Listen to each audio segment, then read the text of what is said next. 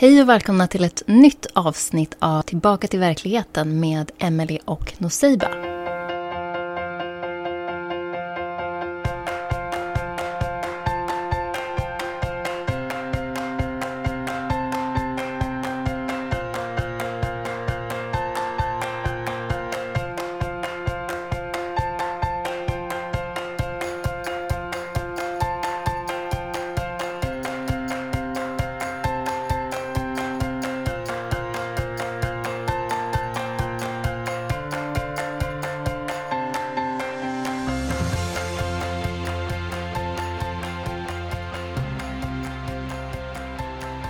Okej, okej då kör vi. Hej Noseba.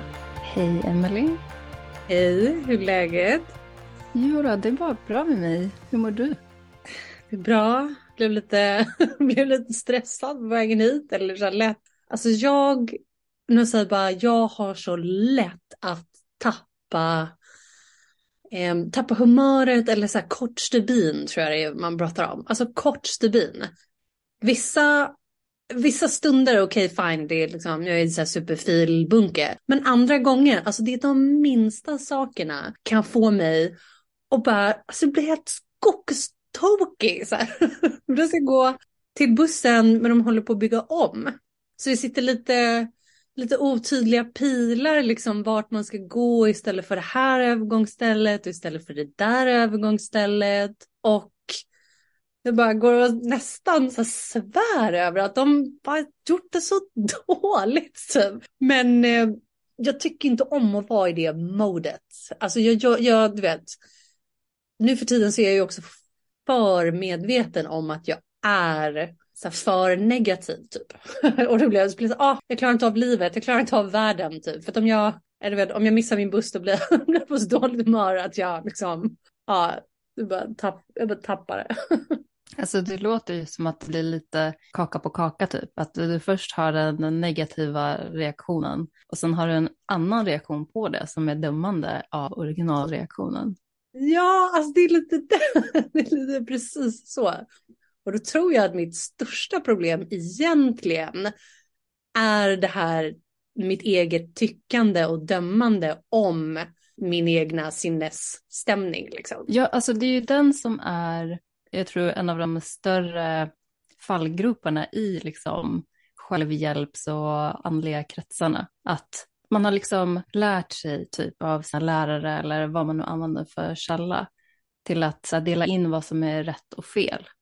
Så att till exempel du kan inte bli irriterad på vart pilarna pekar, alltså vart hållplatsen är och vara love and light eller att vara en god människa. Det är så här en, ett trosystem som säger att det är inte andligt eller det är inte, inte minst lika mycket värt som om du hade gått runt i ren bliss. Ja, men exakt.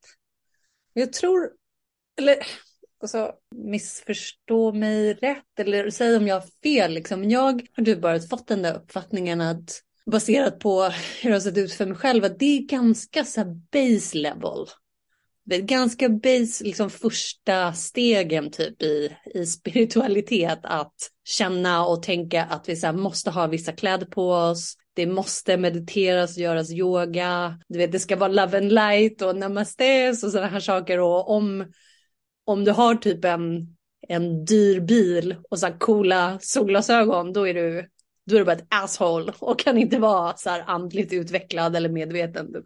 Mm. Eh, men som du säger så är det ju inte, det är bara ett nytt trosystem liksom. Som man, eller som jag, eller som andra kanske anammar liksom en, en tid. Och sen var det inte det vi sa sist nu förra veckan att sen är det dags för nästa nivå och då är allt det som du typ har snappat upp eller lärt dig på förra nivån det är lite överflödigt eller så här, inte så inte så viktigt längre. Nej men precis. För jag tänker direkt att när det gäller att eh, analysera sitt inre och observera och vara självmedveten. Ja, det är jättebra när man är på ett stadie liksom och kollar så här, men var finns det trauman, var finns det, eh, vad heter det skuggaspekter som man så fint kallar det och sådär. Men jag tror att man kommer till en nivå när man sen riktar allt utåt bara. Alltså så här, man bara, man kan lägga märke till vad som sker på insidan. Det betyder inte att det blir helt tyst. Jag tror också det finns en idé av att när man är väldigt andligt utvecklad så antingen så är man jättelove and light och känner bara positiva saker Eller så på något sätt känner man ingenting. Men man kan ju känna av och tänka saker helt utan någon bedömning och bara rikta det utåt. Alltså så här, så fort man börjar fokusera inåt, då är det ju egot liksom. Så att jag tänker att Ja, men utveckla mer, eller hur menar du med att eh, rikta det utåt? Vi har ju en mekanism som människor att blicka inåt utåt, alltså mot den inre världen, känslor, tankar, föreställningar, dömanden och så vidare. Och med dömanden menar jag inte att man tittar på en annan människa och dömer den, men allt är ju positivt och negativt laddat liksom. Och det är ju så vi kategoriserar saker också. Mm. Så jag ser det på något sätt som att det är den inre världen. Och sen så kan man blicka utåt också och se människor, bussar, himlen, vad det nu kan vara. Och sen så som människor tenderar vi att vända inåt utåt ganska konstant. Ja. Och eh, speciellt då om man är sån som jobbar på själva så då är det ju mycket rikta inåt. Ja, precis. Det är mycket rikta inåt, ja. Och vi har ju någon uppfattning om att alltså vi måste, vi måste liksom titta inåt om om det då finns den här liksom andliga läggningen eller ambitionen eller bara nyfikenheten och sådär. Och att det utåt är lite så här frowned upon. eller du vet, det är liksom inte lika medvetet. Eller förstår du vad jag menar? Jo, jag ville fråga, men, alltså menade du eller tror du att desto mer liksom andligt typ utvecklad eller medveten man är då, desto mindre blickar man utåt och desto mer inåt eller tvärtom. Nej, alltså jag tror att det är mer, alltså mer att man neutraliserar både inåt och utåt. Men egentligen mer att man blickar utåt. Alltså att man är här och nu. Utåt. För att så fort man börjar kolla inåt så tittar man oftast på det förflutna eller det framtida. Även om jag blir triggad med någon känsla just nu så ofta, speciellt om det är något negativt, inte alltid, men ofta så är det ju egentligen om man spårar det så går man liksom bakåt i tiden. Ibland även framåt, man kan ju ha skräck för framtiden och så vidare. Så att så fort man gör det, då tas man ju här, tas man ifrån här och nu. Ja, alltså det är så bra, det är så bra poäng, eller jag gillar att du säger det, för det finns ju en viss del av det hela som handlar om att liksom läka. Mm du vet, läka, komma till självinsikt och bearbeta saker som har hänt. Eller, vet, och det är ju det är valid liksom. Det är ju toppen, toppen att vi gör det för de som det behövs. Men jag gillar det du säger för att jag tror att det är sant liksom. Eller jag håller med att desto högre upp vi kommer så att säga, desto mer så är det så här. Vad, what's going on där ute eller med er andra och det är inte längre så nödvändigt för mig att alltid sitta och bara titta inåt och reflektera och undra eller känna efter och sådär utan efter ett tag då är det, ja men då är vi, då går vi vidare till nästa. Mm. Ja, precis. Alltså jag tror att det, det där liksom, det här självläkande och allt det här, det är liksom en del, eller det är ett steg i alla fall. Sen kan det, ja det kan användas åt båda hållen. Man kan ta ett steg framåt med det, man kan lika bra ta ett steg bakåt eller stå stilla för den delen. Men för jag tänkte på det för inte så länge sedan så vart jag jättetriggad av en grej. Och det är liksom en story jag har haft i mitt huvud väldigt länge och något jag har identifierat mig med väldigt länge. Och ja, men det, det är bara en uh, offerstory som har hängt på. Ja, okay. Och uh, jag kom till en punkt när jag var så här, nu, för jag har liksom tittat på den aspekten av mig själv väldigt mycket, gått jättemycket i terapi, prata, prata, prata, läka, läka, liksom hela det här, hela den karusellen. Mm. Och så kände jag bara att jag kom till en punkt där jag var så här, du gör ingenting för mig. Och jag känner att nu har du gjort ditt, nu släpper jag det här. Och eh, sen gick jag och la mig liksom och vaknade upp dagen efter och bara kände mig så lätt. Och det var så mycket chatter i huvudet som bara var helt tyst. Alltså verkligen helt. Och den där storyn har liksom tagit upp så mycket plats. Jag har typ inte ens tänkt på hur mycket det har dragit liksom. Så det var otroligt skönt och då efter det började jag få så här tankar eller av att så här, vadå, är allt bara en story egentligen? Det börjar nästan kännas lite så. Ja, alltså allt är ju typ bara en, eller det är väl, eller det, är väl det, det är väl det en hel del liksom går och lär ut att alltihopa är typ bara så olika historier som du drar för dig själv om och om igen.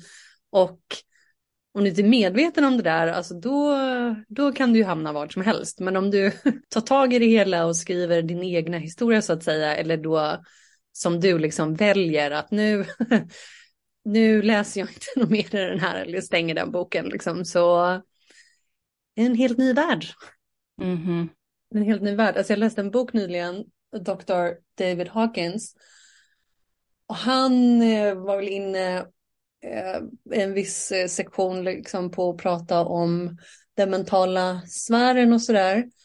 Och då målade han upp en bild som jag tyckte var ganska schysst. Jag vet inte riktigt varför den har stannat kvar egentligen, men han, han liksom uttryckte det som att vårat, vårat mentala och liksom alla de här tankarna och egot och lite sådär, det är typ som en stor arena eller en stadion, ett stadium, du vet. Eller ja, en arena, en sån här stor, ja men tänk dig där de spelar fotbollsmatcherna och lite sådär. Alltså det är hela, hela där inne liksom är din mentala sfär typ. Och det här konstanta typ chattret eller att det liksom maler på, eller tankarna som du liksom hör och har med dig hela tiden. Det är typ två pers på läktaren som sitter någonstans och snackar. Resten är egentligen tyst och inte så, ska man säga, framstående. Liksom. Och jag, bara, jag tror att jag gillade den beskrivningen eller tanken, för jag var så ja ah, det är ju sant, det, är så, det finns så mycket mer än de här historierna som vi liksom inbillar oss eller intalar oss själva. Mm, så du tänker att i den mentala sfären så, vad, vad finns det utöver de här uh, två personerna på läktarna? Ja men så mycket, det finns väl, eh, det finns så mycket annat man kan göra med sitt intellekt och sin mentala sfär, du vet. Mm. Att, uh, man kan läsa ett språk eller ett uh, yrke, tema, ämna, vet, vetenskap, astrologin, du vet sådana där sådana där saker. Du vet andra böcker typ eller bara jag vet inte, det är som lite, lite outforskat territorium typ. Mm. Ja, absolut. Alltså jag tänker att det mentala liksom är väldigt mycket för antingen någon form av, jag, jag kallar det hela tiden för omprogrammering, när man liksom trycker i mer saker där inne. Och även väldigt bra för planering överlag, alltså lägga upp saker, hur det ska göras och strategi och sådana saker. Ja, det är högst värdefullt på det sättet. Eller, det, är väldigt, det är väldigt användbart liksom, på det sättet. Men jag gillade just den där tror jag också att så här, om man tänker sig två personer som sitter där och snackar typ och man bara mutar dem och, och börjar se sig omkring så här, vad finns mer här? Och bara wow, my mind is amazing. Eller du vet, för hjärnan och vår tankekraft och liksom det intellektuella så här, det är verkligen som du säger, alltså det är fantastiskt. Vi kan ju komma på och göra sådana grejer med tankekraften. Liksom. Men så gillar jag det du sa nu också om, eh, om att liksom titta utåt eller vara så närvarande och inte hålla på så mycket inåt för då hamnar vi på en gång i framtiden eller dåtiden eller lite sådär. För det där är en annan grej som är, tyck, jag tyckte det var lätt att få för sig det i början i alla fall av allt, av allt det här. Att de här världsliga sakerna, de måste liksom lämnas bakom sig på något vis. Eller om man, om man då ska vara andligt medveten och fortsätta utvecklas på den banan eller du vet, det bästa jag vet är ju typ att sitta och så här, tänka och vara filosofisk och sådär. Och då är det som att man eller jag fick den, den uppfattningen ibland då, att då måste man lämna det världsliga och det jordiska bakom sig. Du vet, man får inte vara materiell längre, man ska inte, eller jag tyckte en tid också att så här, jag kan inte ha jobb. Vadå jobb? Det kan väl inte jag ha heller. Jag är upptagen med något annat och sådär. Och det tycker jag väl fortfarande i och för sig var, var liksom rimligt. Men jag, jag tror du förstår vad jag menar. Men du menar liksom att inom andliga kretsar att det finns den föreställningen? Ja, jag tror jag har pratat lite om det förut också, att det är så här, men du kan inte bry dig för mycket om liksom, hur det ser ut eller dina materiella, materiella tillgångar eller resurser och sådär, liksom, om du ska utvecklas andligt. Eller om du nu ska vara så andligt liksom, medveten och ha det som ett stort fokus i ditt liv typ. Men eh, det är ju egentligen eh, alltså, jättelångt ifrån sanningen. Ja, eller jag tycker också att det är lite av en missbedömning för att då redan där har man gjort en, alltså man, då har man ju dömt ut vissa sätt att leva som andliga och andra inte. Alltså jag menar, om jag går till ett kontor varje dag och jobbar åtta timmar, det är ju minst lika andligt som om jag skulle gå och sitta i ett ashram och meditera lika många timmar. Ja men alltså hundra procent. Och så, vi har, det här har vi pratat om förut också du och jag. Nu liksom, är vi liksom, det vill går lite, vi loopar lite. Men för det jag tänkte säga också, alltså jag har haft, jag har haft Netflix för första gången på flera år. Och jag har kollat på så mycket så dokumentärer om ja, men bara så tokigt folk och liksom lätt kriminella och sådana där. Och typ alla gånger, eller alltså det finns liksom ingen, eh, vad säger man, det finns inget stopp på historier om alltså andliga kretsar eller ashrams och gurus och sådär som bara är helt kaffa.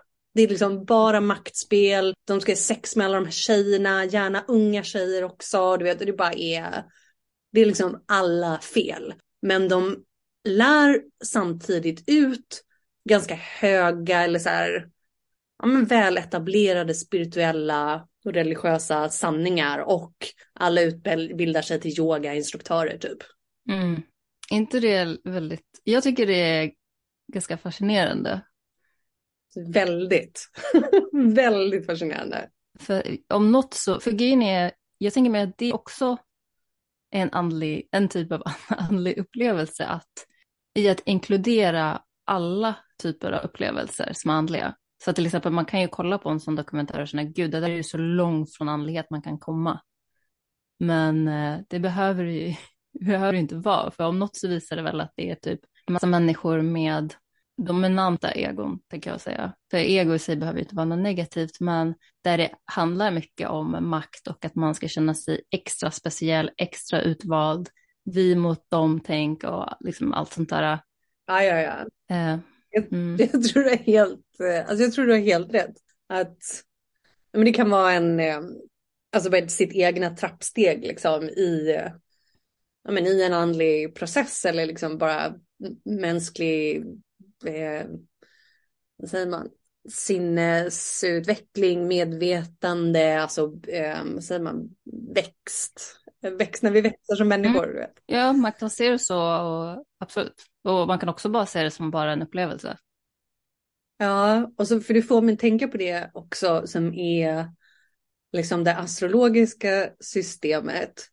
För att vad gäller då andlighet eller spiritualitet, Gud, liksom det här det är lite osedda eller okända och sådär. Då pratar vi alltså för att vara, eller väldigt basic, eller bara ta det som ändå är så här.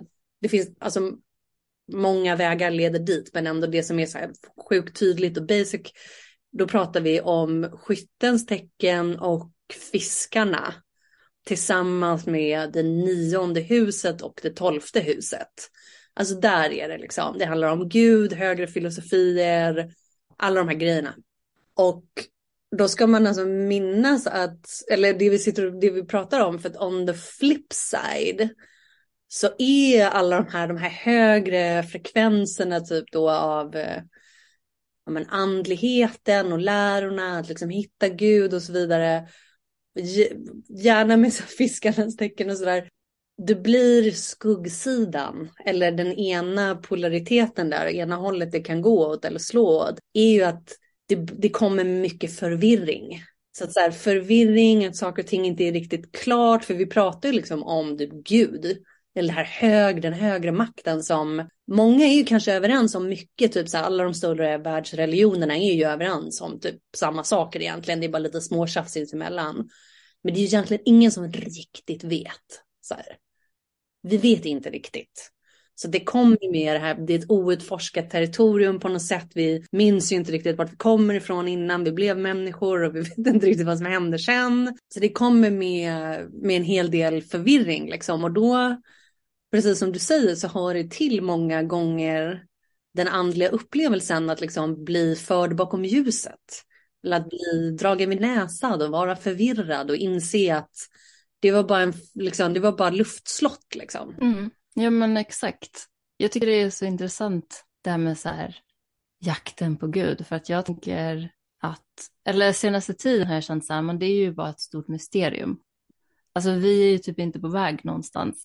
Alltså om du förstår, men alltså så här, jag, jag tror att grejen med Gud är just att det är ett mysterium. Och med människor och hjärnan och egot var jättesvårt för det. Vi vill veta, liksom. vi vill ha svaret, vi vill komma fram, det vill säga det är något där, där framme i framtiden. Och eh, blev helt galen av att så här, I don't know. Ja, nej men just det, just det. Helt, det är helt med. Och så vill jag bara poängtera det lite tydligare också, det där med förvirringen och sådär luftslott eller att saker och ting är så otydligt. Det där går lite hand i hand med fiskan, eller det går ju med fiskarnas tecken då, det här tolfte huset och någon väldigt eh, liksom autentisk, genuin, feminin liksom, ut, uttryck. Medan det där nionde huset och skytten, då, då är vi mer i de typ etablerade religionerna och att vara präst. Liksom. Och just det där som vi säger, typ jakten på Gud eller att så här, vara med Gud och de heliga skrifterna och sådana där saker. Och det på sin skuggsida eller on the flip side, det kan ju bli, alltså att vara, du vet när folk blir så här för rättfärdigande, typ, eller extremismen, liksom, när folk gör helt sjuka grejer bara för att de är övertygade om att det är Guds vilja och man liksom tror att man vet bäst. You can't tell me nothing, jag vet redan allting liksom. Och många gånger så är ju, det är ju det här tecknet som också är så här nära upplysningen typ. Eller så här verkligen dedikerar sitt liv och sin tid till, till Gud och vi hittar vårt, vi hittar vårt trosystem i det nionde huset och lite sådär. Men, men som sagt, det är också där vi kan bli helt, alltså helt låsta liksom och kan inte öppna upp för någonting annat eller någonting nytt. Så. Mm, alltså det låter ju som att man använder sin intensiva energi, liksom, fast åt fel håll. Ja, precis. Det kan slå lite fel då bara. Men som du poängterade, eller som du sa, så är väl det liksom en del av en del av upplevelsen bara, eller en del av resan. Ja, jag tror det absolut. Men jag gillar det du sa nu också om att du vet, vi vill ju verkligen bara veta, vi vill ha alla svaren. Eh, och liksom jakten på Gud och lite sådär, eller typ jakten på den andliga utvecklingen och så här. Jag tror att den egentligen skulle kunna komma till ett ganska abrupt så här, slut. när vi bara, sådär som du sa häromveckan, när vi bara är. Mm. Och det liksom måste inte, det måste inte göras någonting, det måste inte räddas någonting, det måste, ja, det bara, det bara är. Ja men exakt, och att så här, det som är nu är valid. För att jag tror ibland när man eh, kommer in i den där jakten, och det kan kännas väldigt bra, du vet, man, man liksom försöker utforska någonting, man har hittat information som man tycker är jättespännande och så vidare. Men den jakten och att söka någonting och vilja komma fram i sig invaliderar ju mitt nu, mitt bara varande just nu. Ja, men lite. Och även fast jag själv är, alltså jag är så intresserad av alla, alla, dessa, alla dessa teman. Liksom, filosofier och psykologi och all, alla de här sakerna, jag tycker verkligen att det är superfascinerande, jag får aldrig riktigt nog och sådär. Men sen så har jag tänkt en hel del på det där att alltså det finns inget mer att lära sig egentligen. Och det är just den där då, typ att mitt ego har lite svårt att bara välja den vägen. Lite för jag tror att det blir, jag är lite rädd att det skulle bli långtråkigt. Eller bara så här, men vad ska jag göra, vad ska jag göra då då? Bara jag vet, ja, men vet du vad jag tror att det där är? Ja. Jag tror att vi associerar uttråkhet med tomhet. Alltså när vi känner oss tomma så tolkar vi ju det som att då är vi uttråkade. Exakt. Men jag tror att den där tomheten som många verkligen så här crawl their way ifrån, liksom. Ja. jobbiga liksom, saken att uppleva. Men jag tror att det ligger jättemycket värde i tomhet. Ja, men förstår du? För då är det som att, men om jag bara säger okej, okay, då är det inget som behövs liksom göras eller utvecklas eller läras och sådär. Då är det ju helt plötsligt bara den där, de där världsliga grejerna kvar. Typ så okej, okay, gå till jobbet, vårda dina relationer, ta hand om barnet, städa, laga mat. Alla de där liksom, grejerna som i alla fall våran generation bara slog bakut mot. Typ. Eller alla generationer har väl kanske gjort det typ när de är yngre och i sin ungdom och sådär. Man bara, jag vill inte leva sådär. det måste finnas något mer. Och vi fortfarande gärna då i medvetna eller andliga kretsar tycker ju typ att andra är så fast, du vet, i sina ekorrhjul och sådär. Men nu verkar det ju som att jag har kommit till någon typ av punkt när det där är liksom stadiet som det kommer, koms till sen i alla fall. Eller du förstår vad jag menar? Mm, jag förstår vad du menar. Jag tror att oavsett om ett ekorrhjul tar sig uttryck av jobba, hem och städa, allt det här. Eller jag tycker att andlighet också kan ses som ett ekorrhjul ibland. Det tar ju aldrig slut liksom. Nej. Um, så det är liksom bara olika uttryck av typ samma sak egentligen. Så jag tänker att det ligger nog mer i ens, uh, för så här tänker jag, min relation till rutin och så här vanlig citattecken rutin är kopplad till att konstant vilja ifrån det. Så pass att jag tror jag aldrig har varit i det till 100 procent. Alltså bara varit här och nu, utan man är liksom konstant. Jag längtar tills jag slutar jobbet, jag längtar tills jag kommer hem, jag längtar till helgen. Alltså man ska hela tiden bort härifrån. Ja. Så jag tror att det mer ligger i ens förmåga att vara här och nu än vad man faktiskt gör för någonting.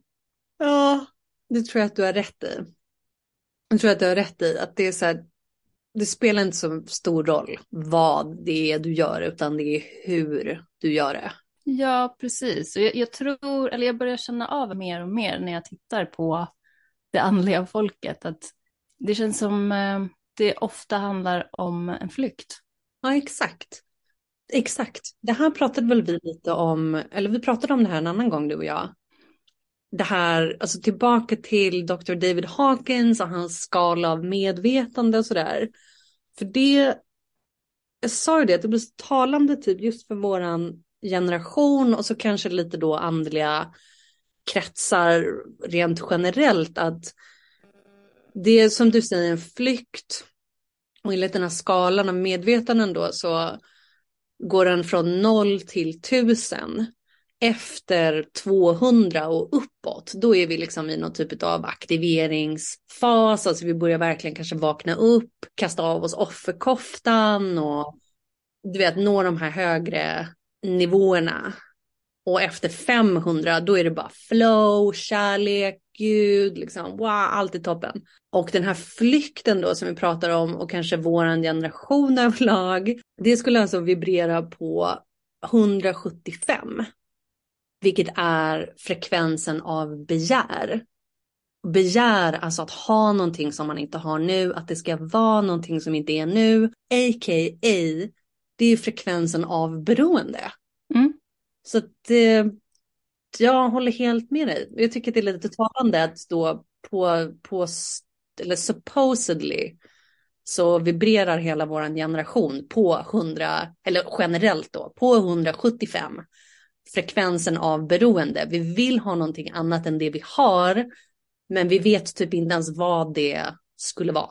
Ja, alltså jag tycker det där var så well put. Och jag skulle även dra det ett steg längre, att det inte bara vår generation, men verkligen majoriteten av människor lever ju utifrån begär. Och jag förstår det, för att jag tror att som människa är det liksom, eller som ego ska jag säga rättare sagt, så är det alltid något som saknas. Det är alltid något som saknas.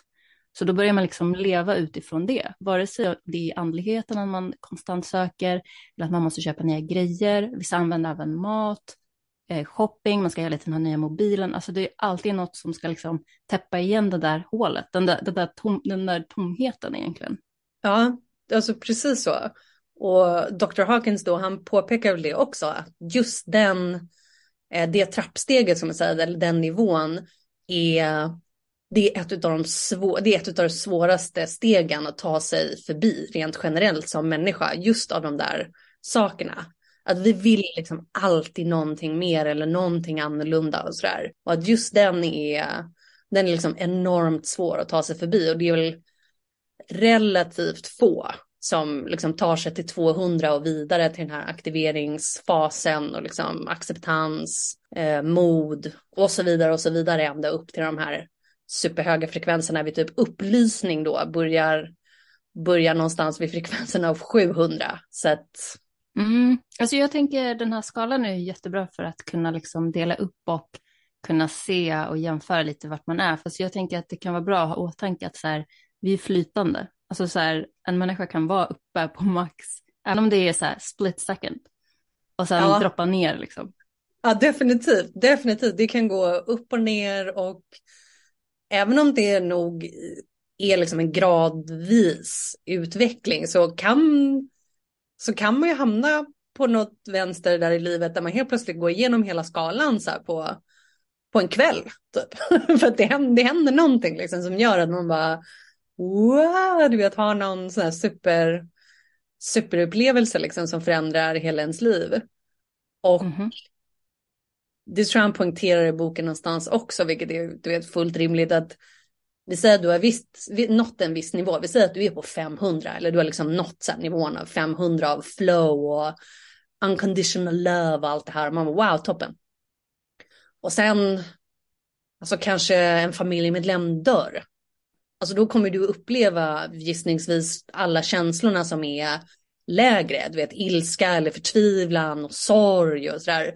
Och det betyder inte att hela ditt medvetande bara har tappat och att du helt plötsligt är så här på en låg nivå igen, utan det är en annan, det är en annan del, utan det är liksom en del i att vara människa, att fortfarande känna känslor, både, både högt och lågt och så här.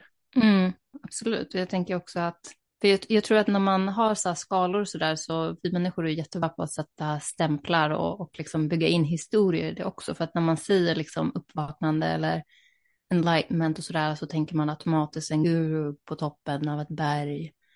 Men det kan ju vara typ en mekaniker, alltså så här, det kan vara precis vem som helst egentligen. Ja, ja definitivt. Att den mest vanliga människan liksom kanske är så högt uppe.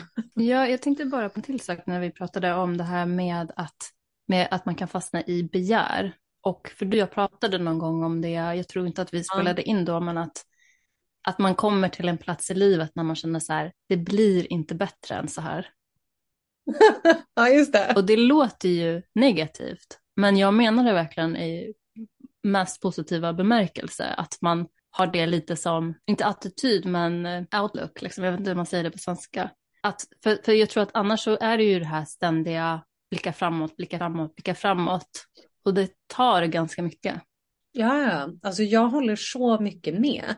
Och jag tror att det där kan nog liksom kategoriseras då eller klassas in som alltså frekvensen 350, acceptans. Och att bara, ja, det är så här det är. Alltså, Du vet, det som har hänt har hänt, nu är vi så här eller jag är det jag är och att kunna, ja men att kunna acceptera det.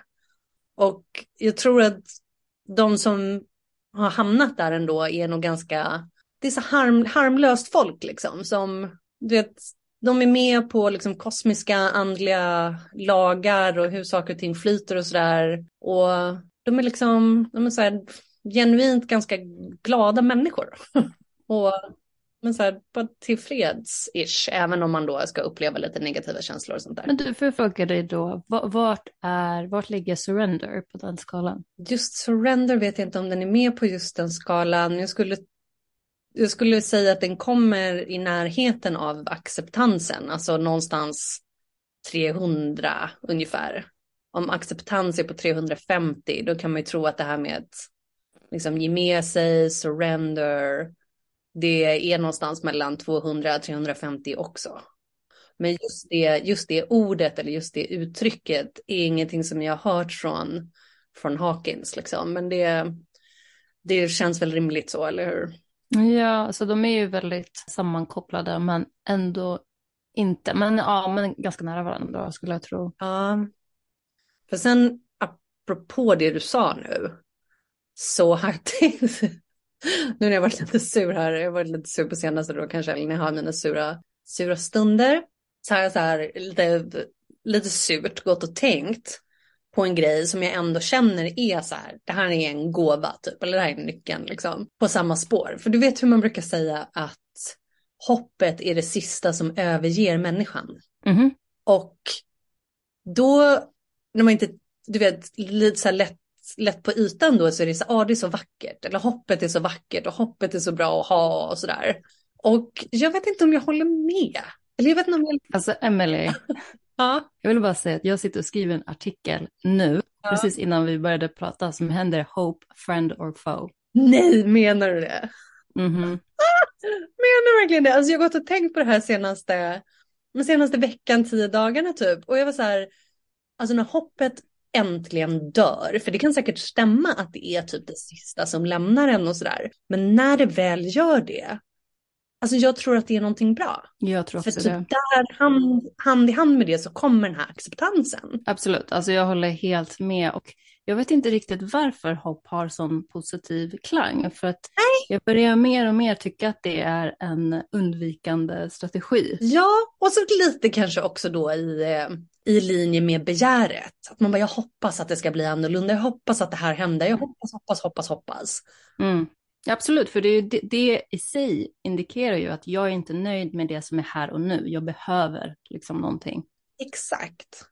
Så att jag känner också att man, det är, hoppet det är, inget, det är ingenting att liksom klamra sig fast vid. Skit i det. Nej, och grejen var att när jag gjorde slut med den här historien som jag berättade om i början så eh, bakade jag in hoppet också. Jag var så här, jag gör slut med dig med. Jag vill inte ha något med dig att göra något mer för att det, det känns som att det förlänger, eller det kan förlänga, eller jag vet inte riktigt hur jag ska artikulera det, men det känns som att det, Får jag försöka? Att det liksom förlänger ditt lidande. men det gör ju det. Det gör ju det. Jag med. Eller jag tror att alla, man bara, åh, man bara hoppas att det ska lösa sig. Man hoppas att det ska funka i alla fall. Och det, det är liksom i vårt bästa intresse att bara inse att det kommer inte. Och så går vi vidare. Ja, precis. Och jag tror att, alltså när jag, när jag snackar om den här tomheten, för att jag tror att jag kände typ att det här hoppet drar mig ur tomheten konstant. Och jag bara hade en känsla av att nej, men nu vill jag bara falla ner i det här. Jag orkar inte att du ska dra upp mig för att jag kommer hamna här förr eller senare så jag kan lika bra göra det mysigt här borta. Ja, men visst. Och då som sagt, alltså jag har gått och tänkt på det där med hoppet, eller det kommer liksom upp, just för att jag är så sur och missnöjd med hur saker och ting är. Och jag går runt och liksom förbannar det här hoppet typ, eller att jag känner mig så dum för att ha hoppats typ, eller lite sådär, eller som att livet har gjort mig någon orätt liksom. Mm.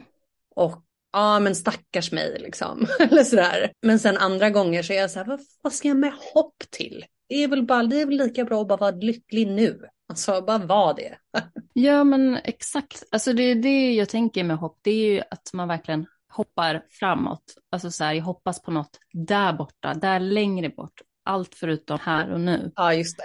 Men varför ska jag hoppas på det där framme? Jag kan väl försöka göra det bästa av här och nu. Så kan man ju skippa hoppet. Ja, exakt. Och så tillbaka till, till skalan där då. För om begäret och kanske hoppet eller sådär är på 175. Nästa eh, avsats så att säga blir alltså 200 av mod. Och det är där då som så här, offerkoftan äntligen slängs av. Man bara tar du vet, ansvar för sig själv och sitt eget liv och börjar liksom aktivt men, så här, skapa sitt liv istället för att bara, åh, det här bara hände mig, åh, liksom, jag är helt, jag är bara ett offer. Så, så kommer vi istället till, till punkten när det är så här, ah, okej, okay, men det är upp till mig. Det är upp till mig liksom. Och där är det väl många som är, alltså generationerna innan oss, du och jag, vi är så här mitten av 30-ish. Generationerna innan oss, de är ju generellt då eh, ännu lite lägre på liksom frekvensen av 100, vilket är rädsla och, och oro och lite sånt där. Medan de yngre, ja, men de är typ på 200. Så det blir, eh, det blir spännande att se. Vet du hur det ligger till med de som är typ i 20-årsåldern och lite yngre? Men 20-årsåldern, det är typ en generell överlag 200 frekvens. Om inte kanske lite över. Medans jag vet de, de människorna som alltså gör så här frekvens, frekvensanalyser på generationerna, på platser, på historiska tillfällen, människor och sådär. Jag har ju själv gått och gjort min egna analys för att jag typ älskar sådana grejer. Enligt dem så har ju de, för de kan alltså mäta både din frekvens liksom just nu, så här, overall. Och de kan kolla så här, vart är din frekvens vad gäller relationer, vad gäller hälsa, lite liksom våra olika glasögon och så där på våran tillvaro och eh, livsupplevelse. Med det så kan de också kolla vilken frekvens föddes du på. För att vi kan ju som sagt liksom gå lite upp och ner på den här skalan så här, beroende på vad som händer i livet eller vart vi är i livet och så. Och då säger de det att barn, barnen som de liksom har mätt eller gjort analyser på som är födda efter 2012, där är det liksom många barn som kom in på typ frekvensen av 500 och kanske 400 och lite sådär, vilket var liksom väldigt sällsynt på de människorna som var födda liksom 60-talet, 70-talet, 80-talet. Det var inte alls många. Medan nu då så är de så här, hur många som helst. Men det är ju goda nyheter. Ja, det är ju det. Och så får man ju som sagt se, så här, de har inte vuxit upp än. Alltså de har ju inte varit med om livets hårda skola liksom. Så man får ju se om de, om de håller sin frekvens där uppe eller om de kanske droppar lite, de kanske droppar stundvis eller så, vem vet. De kanske flyger, de kanske lyfter rejält. Ja, de kanske lyfter rejält. Alltså samma människor som gör de här analyserna, de påstår ju att 2040-talet, kommer inte ihåg exakta året, men det stämmer ganska väl överens med att Pluto går in i ett nytt tecken efter att det är 20 år ish, liksom två årtionden, har spenderat sin tid i Vattumannens tecken så enligt dem då så ska alltså det kollektiva medvetandet för, för människorna gå upp till 500 2040-talet. Det är ju liksom högst, högst goda nyheter. Ja, verkligen. Ja, och med dem kanske vi skulle avsluta veckans snack. Ja, men det låter bra. Så att eh, hang in there, bara se fram emot om 20 år. Då kommer alla bara vara i flow och kärlek och sådär. Det kommer bli toppen. Okej, okay. hej så länge. Hej, hej.